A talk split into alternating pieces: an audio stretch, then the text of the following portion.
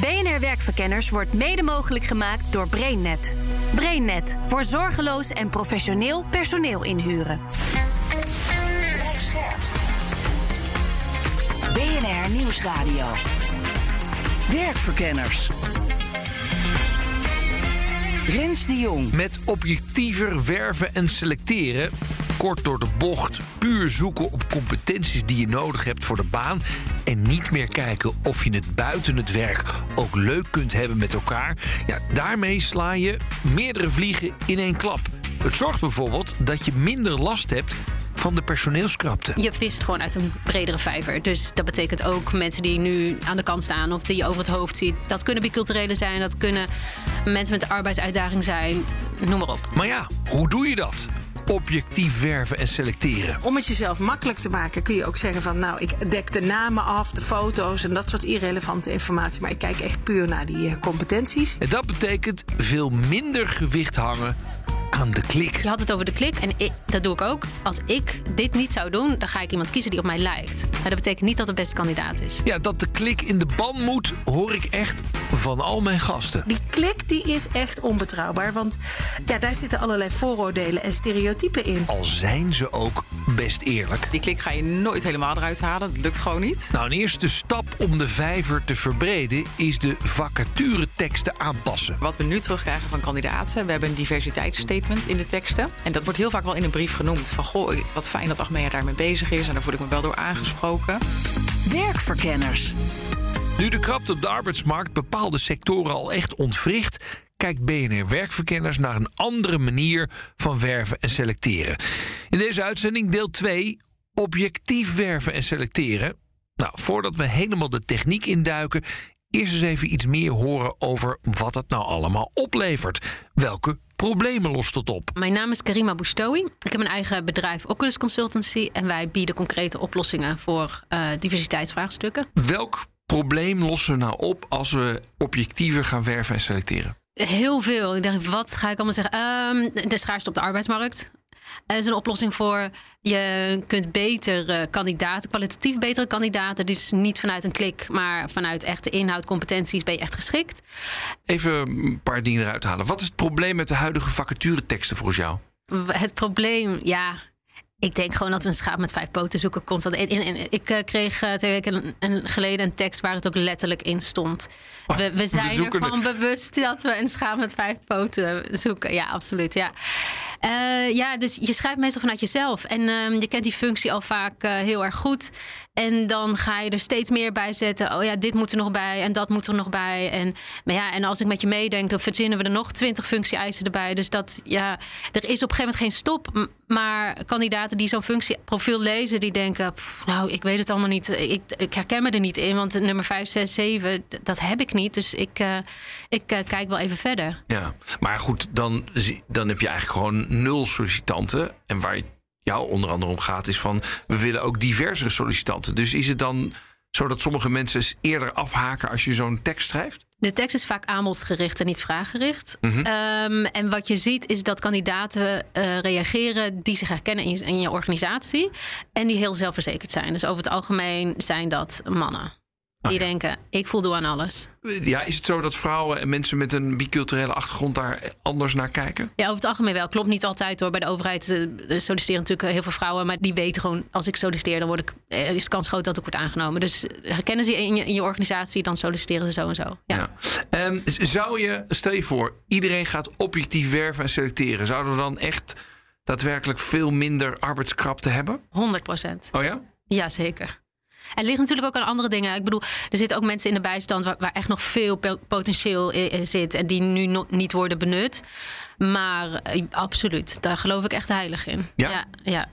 Want het is wel heel krap op dit moment. Ja, ja, ja. ja. Het is schrikbarend. Ja, krap, maar ja. je zegt er is eigenlijk een vijver waar we structureel niet uitvissen. Klopt. Ja. ja. Kun je iets zeggen over diversere teams en waarom dat extra goed werkt? Dat is eigenlijk een vraag die ik altijd aan opdrachtgevers uh, stel. Waarom willen jullie dit en waarom denk je dat het goed werkt? Maar uh, en wat zij, gisteren heb ik gastcollege gegeven overigens bij de HVA.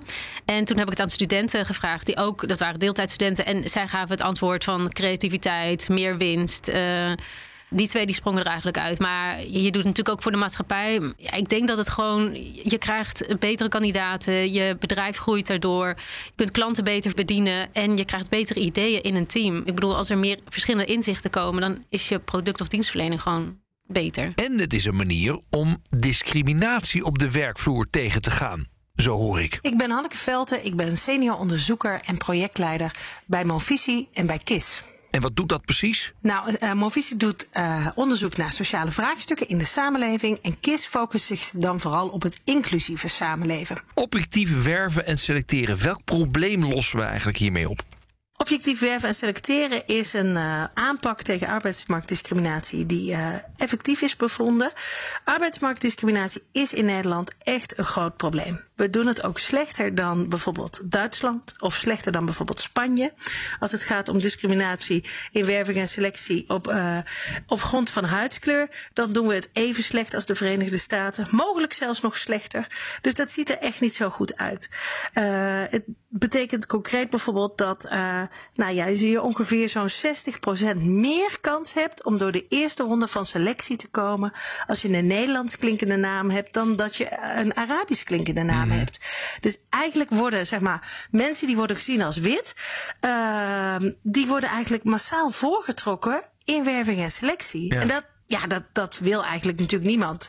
Uh, hè, ik heet Hanneke, maar ik zou het toch erg jammer vinden dat mijn, de, de manier waarop mijn naam klinkt een doorslag geeft of ik door de eerste ronde van selectie kom. Ja. Maar dat is nu eigenlijk wel het geval. Uh, we zien zelfs dat wanneer mensen.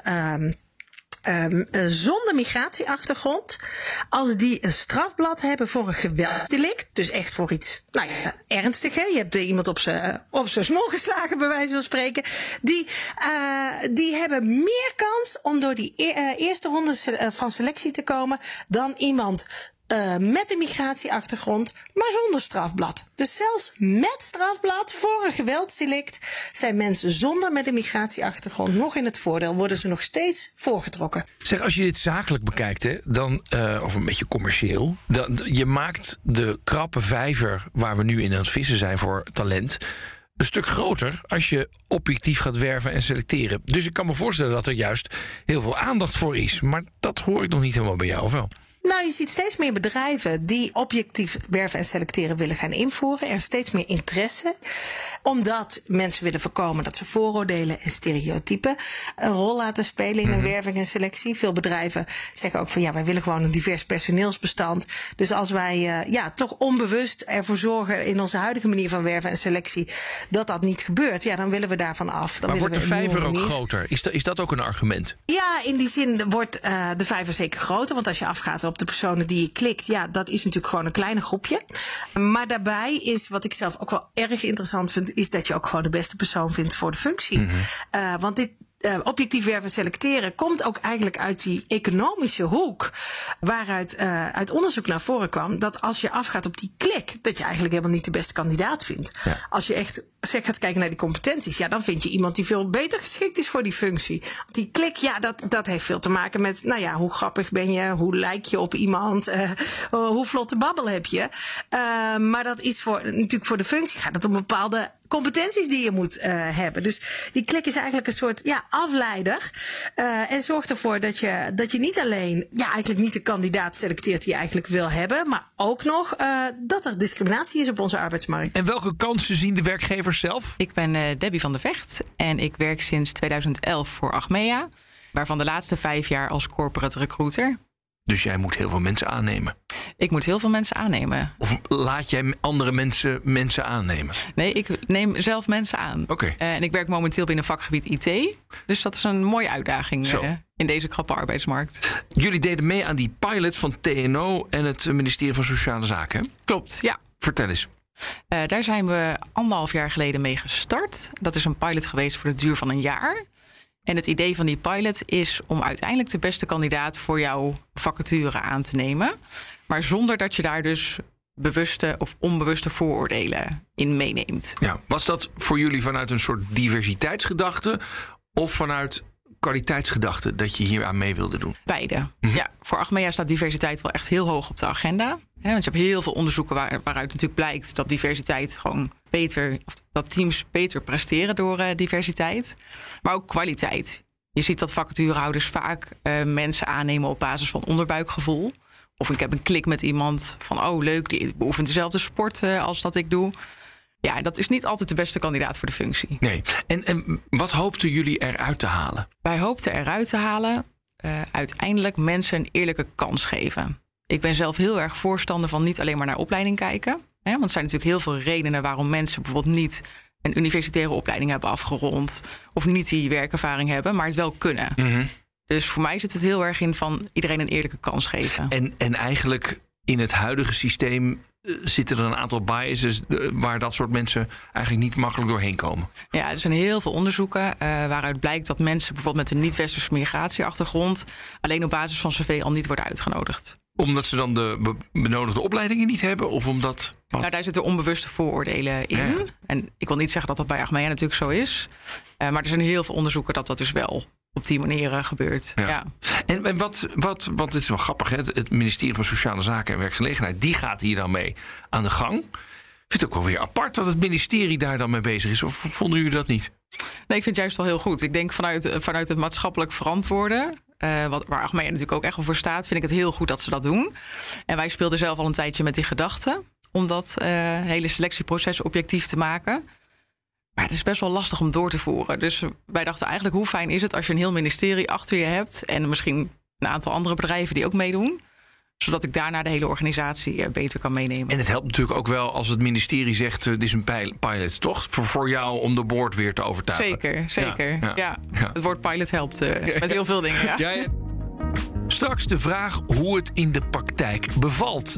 En dan blijkt het vooral moeilijk te zijn voor mensen om het geloof in de klik los te laten. Het zijn ook heel veel mensen die zeggen: ja, maar ik, ik doe dat al jaren op die klikwerven. Dat voelt goed. Rens de Jong. Maar eerst maar eens even kijken hoe dat objectief werven en selecteren nou precies werkt. Ik vraag het aan onderzoeker Hanneke Velten. Nou, er zijn drie grote onderdelen bij objectief werven en uh, selecteren. In de eerste instantie is dat al bij de vacaturetekst, dus is nummer één. Dat betekent al dat je daar de focus legt op competenties en niet op uh, de persoonlijke eigenschappen van de sollicitant. Je gaat veel meer kijken, wat kan iemand nou echt? En daar, uh, dat ga je beschrijven. Dus je moet heel goed nadenken, wat heb je nou eigenlijk nodig in je organisatie? En wat zijn nou die drie of vier competenties die echt cruciaal zijn voor deze baan? Ja. En dan ga je dus niet omschrijven als eigenschappen zoals, nou, jij bent een, de, een echte go-getter. of uh, allerlei andere uh, um, poëtische beschrijvingen van mensen. Nee, je kiest juist voor dat hele concrete gedrag wat, wat iemand moet laten zien. Zodat heel duidelijk wordt, oké, okay, dit moet je echt kunnen om deze functie te bemachtigen. Tweede punt was objectief selecteren en dat gaat vooral op een manier van uh, uh, ja, scoren van sollicitanten. Ja, dus dat betekent dat je in het, uh, bij de briefselectie uh, dus echt ook gaat kijken naar die, naar die drie of vier competenties die je hebt uitgekozen die uh, cruciaal zijn of de sollicitanten die uh, competenties hebben. Je kan ook nog uh, jezelf nog makkelijker maken en bijvoorbeeld werken met een formulier waarop iedereen gewoon invult wat hij heeft te bieden op die competenties.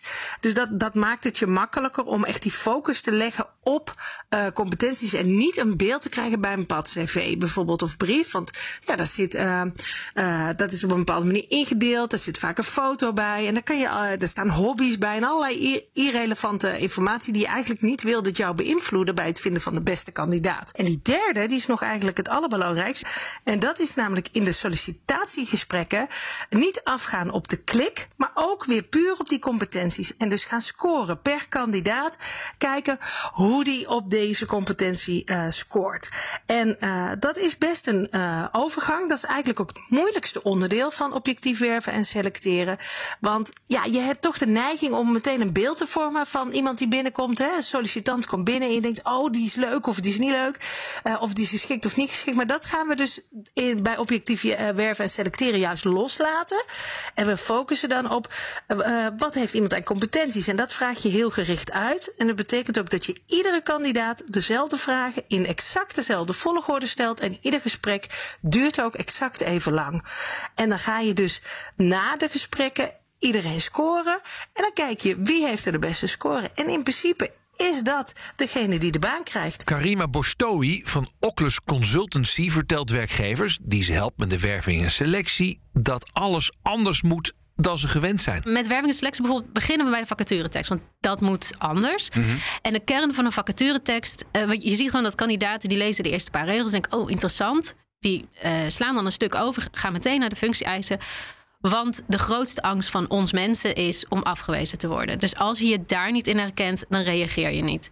Dus als je daar heel veel ervaring vraagt, heel veel specifieke kennis, et cetera, dan, dan timmer je het zo dicht dat heel veel zich niet in herkennen. Al ga je nou na van wat zit er in de ervaring die we vragen en welke competentie moet je hebben opgedaan en dat erin zet, dan is het al wat opener. En je doet niets af aan de kwaliteit van de kandidaat die je zoekt. Mhm. Dus het is gewoon op een andere manier dingen verwoorden.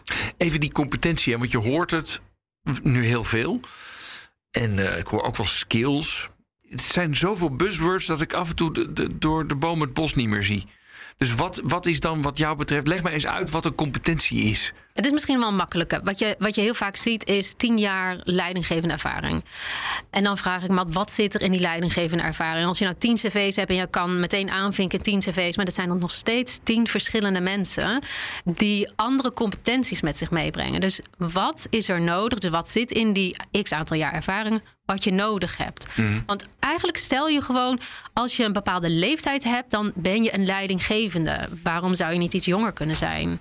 En soms zou eruit kunnen komen, wij hebben een team en die moet, uh, die moet op een manier worden aangestuurd middels coachend leiderschap. Dat zit in die tien jaar ervaring wat we zoeken.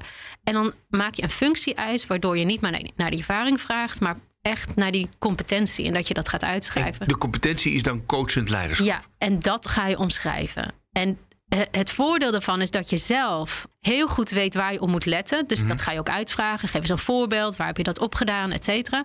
En een kandidaat die dat leest, denk ik, ja, maar dat heb ik en dat ben ik. Ja, ja. Dus, Maar eigenlijk is zelfs de term coachend leiderschap nog te vaag. Dat moet je dus nog helemaal gaan omschrijven, toch? Ja, dat zou ik wel doen. Ja, ja. ja. En wat wordt dat dan? dat wordt bijvoorbeeld. Uh, we hebben een jong team en die zijn heel zelfstandig. En af en toe komen ze met een vraag naar je toe. Uh, wat door middel van coachend leiderschap breng jij ze naar de volgende stap. Zoiets. Ja, we hebben het hier over uh, drie stadia. Hè, uh, waar, waar, je objectiever kunt zijn. Dus de vacaturetekst, de selectie en het gesprek. Hoe pak je dat aan?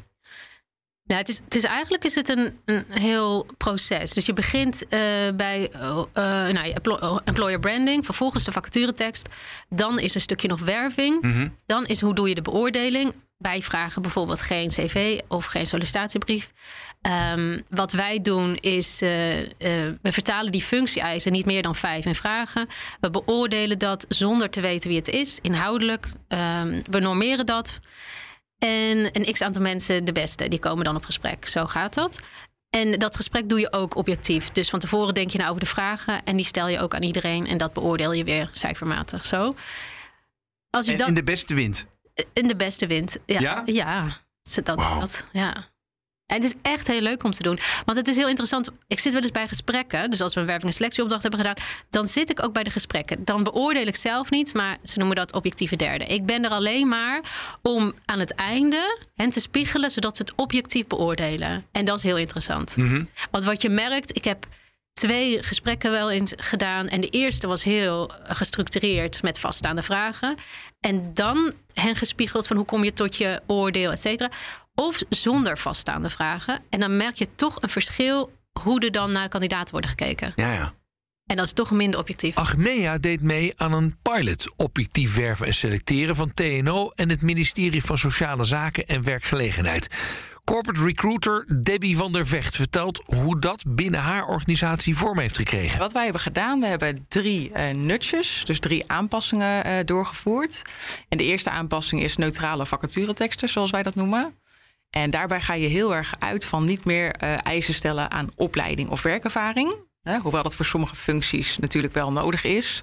Maar functies waarbij dat misschien wat minder relevant is, uh, dat ga je zeg maar in een vacaturetekst zetten. Geef eens een voorbeeld. Uh, we hebben gezegd maximaal vijf eisen. Mm -hmm. opleiding laten we bij sommigen helemaal los. Dus we hebben bijvoorbeeld een IT-functie. hebben we nu openstaan. Hoef je geen cv en brief meer in te dienen, maar maak je een code challenge. Ja. Dus je gaat eigenlijk gewoon in de praktijk iets uitvoeren om te laten zien dat je dus, dus daadwerkelijk die functie ook kan Mhm. uitoefenen. Ander voorbeeld nog, zeg maar, want, want dit is heel specifiek natuurlijk. Ja. Hè? Eh, nog een ander voorbeeld is dat we de competenties heel erg omschrijven als gedrag. Dus niet meer gaan zeggen van je bent analytisch. Want iedereen verstaat daar iets anders onder. Dus dan gaan we hem echt omschrijven naar gedrag. En dan zeggen we bijvoorbeeld heel duidelijk van je kan de kern en de verbanden uit vraagstukken bij elkaar brengen. Mm. Dus heel concreet maken. Want welke groepen raken afgeschrikt door normale vacatureteksten?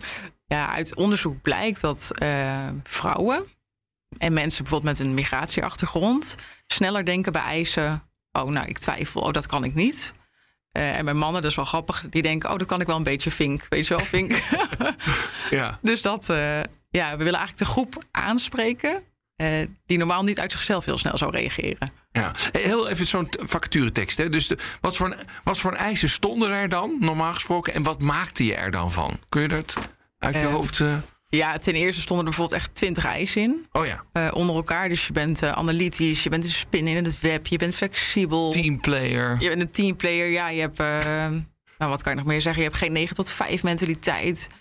A- eigenlijk moet je gewoon alles kunnen. Ja, En dat stond niet alleen in de eisen, dat stond ook in de hele tekst, zeg maar, nog eh, verspreid. Dus misschien heb je wel 20, 30 eisen in een tekst. Nou, daar voldoet natuurlijk helemaal niemand aan.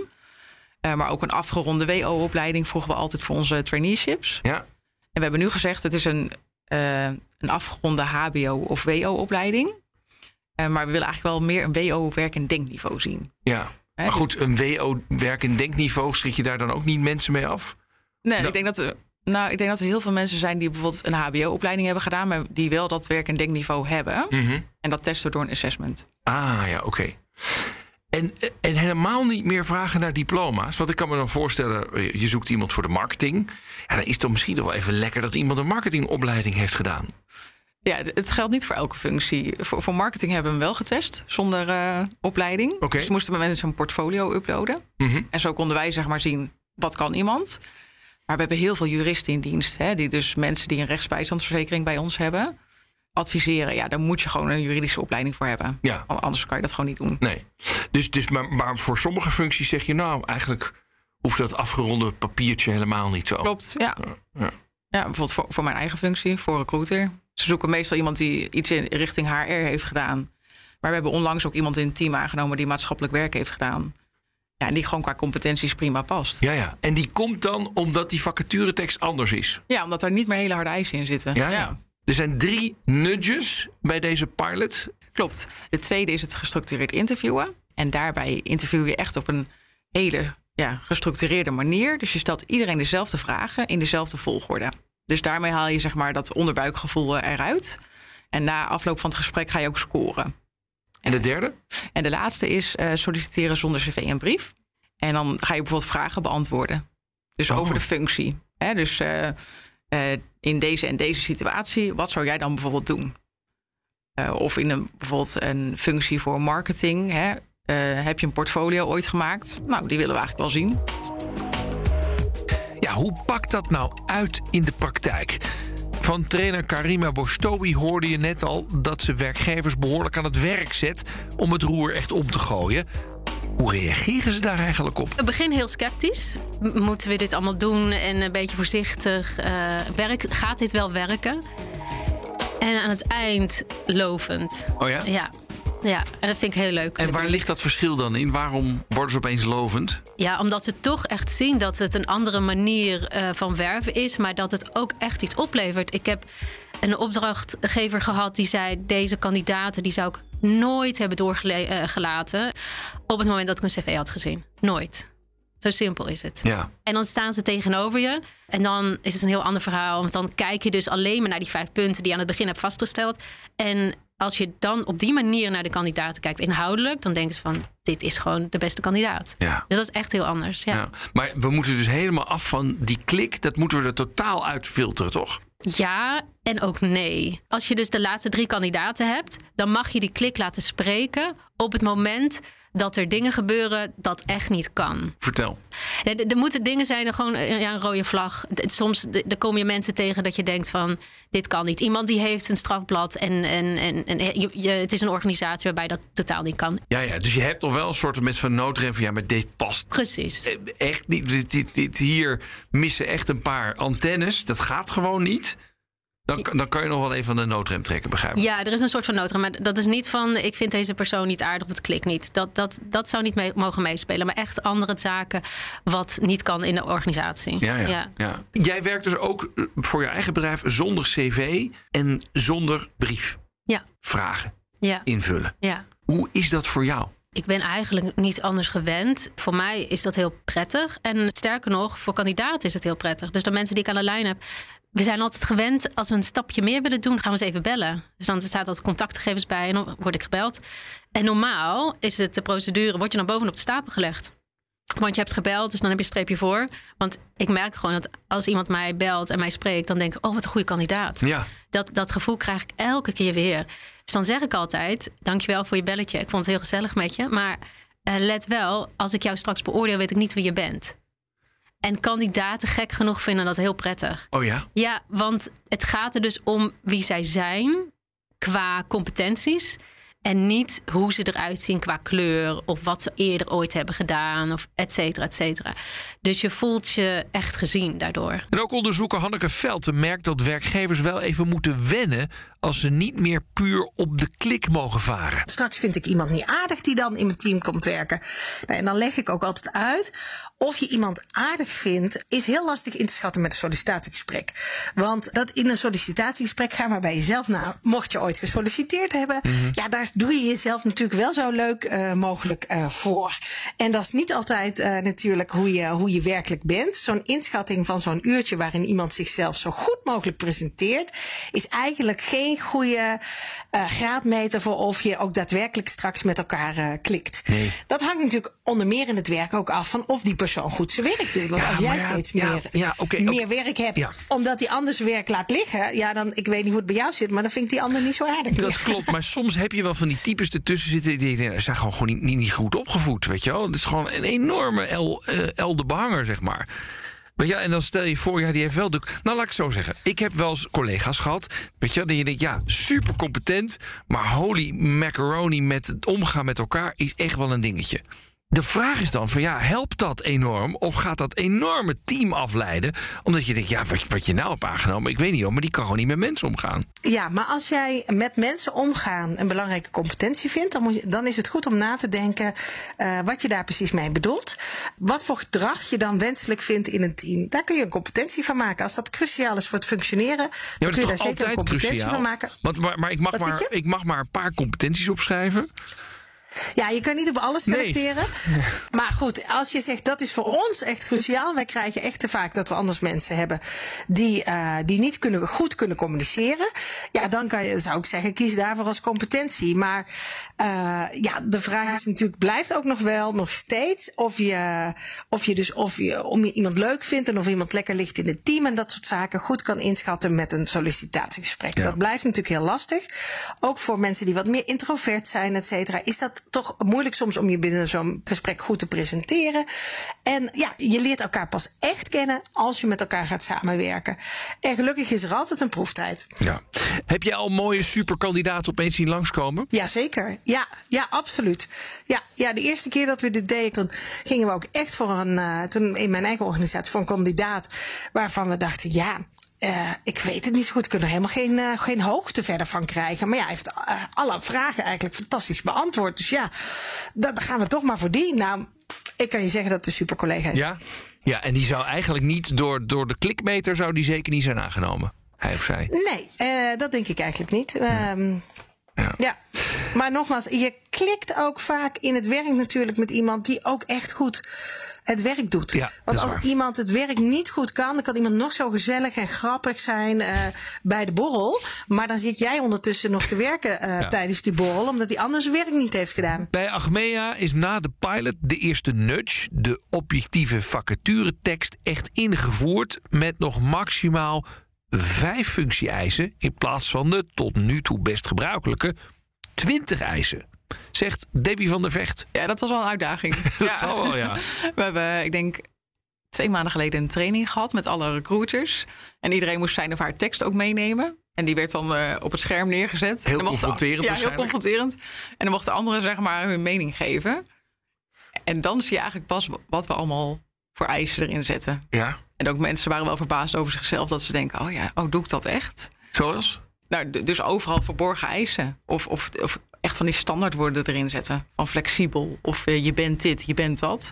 Ja, dat... Had jij er zelf ook last van? Als je, jij hebt ook een vacaturetekst van jezelf meegenomen. Ja, ik heb zeg maar in die pilot natuurlijk uh, meegedaan. Dus toen moesten we ook uh, onze eigen tekst meenemen. En toen dacht ik, oh ja, dit is wel confronterend. Ja, ja. Wat was dan confronterend? Wat je het gewoon zelf al helemaal niet meer zag, maar wat gewoon voor de buitenwereld weer uh, standaard en afgeronde WO-opleiding. Oh ja. ja. Allemaal van die standaard competenties. Ja. ja. En dan niet vijf, maar gewoon een stuk of tien. En jullie vragen niet meer naar hobby's, heb ik begrepen. Ja, het mag wel aan het begin van het gesprek even. Hè, want anders is het wel heel raar als je meteen, gaat, meteen de eerste competentie gaat uitvragen. Maar je moet je er niet door laten beïnvloeden. Dus je moet je heel. Maar waarom mag je dat dan niet doen? Omdat je dan gaat selecteren op basis van een klik. Ah ja. Want stel, ik, ik woon in IJsselstein en jij zegt, oh, ik woon ook in IJsselstein. Dan denk ik, oh, leuk. Dan ga je het daar zeg maar over hebben. En onbewust heeft diegene dan toch een voordeel in de selectie. Oh ja, of als ik zeg, nou, ik uh, golf ook. Ja. Oh, leuk, ja. Ja, dan ga je daarover in gesprek. En dat is, dat is prima. Maar je moet wel bewust zijn van het feit dat je dus dat onbewuste vooroordeel hebt. En het wil niet zeggen als jij golft eh, of als je een bepaalde woonplaats hebt, dat je dus geschikt bent voor de functie. Merk je dat er andere en diversere kandidaten op jullie afkomen?